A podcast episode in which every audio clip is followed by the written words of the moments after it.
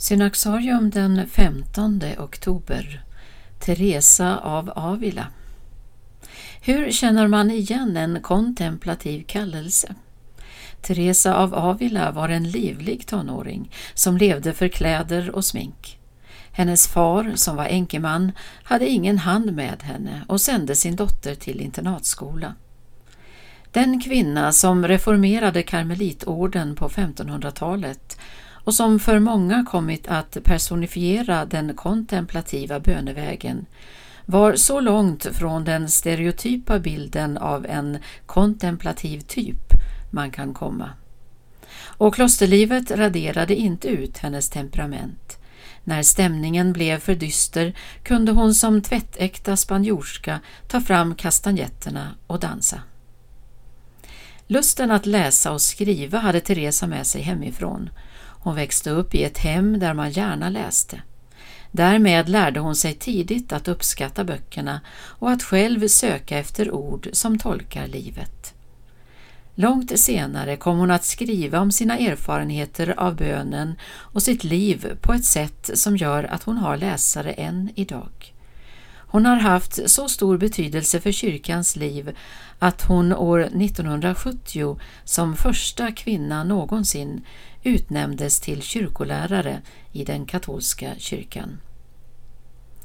Teresa förlorade sin mor när hon var tonåring. Bröderna flyttade i spansk expansionsiver till Latinamerika. Hon själv blev svårt sjuk när hon var 23 år och genomlevde en sjukdomsperiod som varade i sju års tid. I sitt arbete med klostren mötte hon ett envist motstånd från män som inte kunde tåla ett kvinnligt ledarskap. Samtidigt beskrivs hon som en kvinna med stor humor och mycket värme. Redan som ung kom Teresa i kontakt med en böneväckelse som påverkade henne. Men den stora vändpunkten när det gäller bönen inträffar 1560 när hon hunnit bli 45 år. I en syn möter hon Kristus och får efter denna händelse, som hon kallar sin omvändelse, på många sätt ett nytt liv. Som karmelit tar hon sig namnet Teresa av Jesus, vilket är betecknande. Jesus är medelpunkten i hela hennes spiritualitet.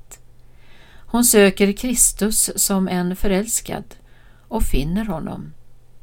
Det är också nu hennes arbete med att reformera klostren på allvar tar sin början. Tillsammans med sin vän Johannes av Korset grundar hon den oskodda grenen av karmeliterna.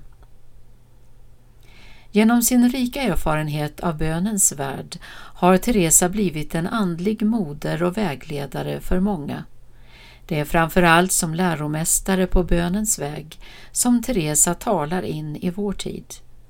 Hennes skrifter är präglade av en vägens spiritualitet. Hela vårt liv går ut på att söka något bättre och djupare, säger Teresa av Avila till den som slår följe med henne. Vi är ständigt på väg mot den fullkomliga kärleken.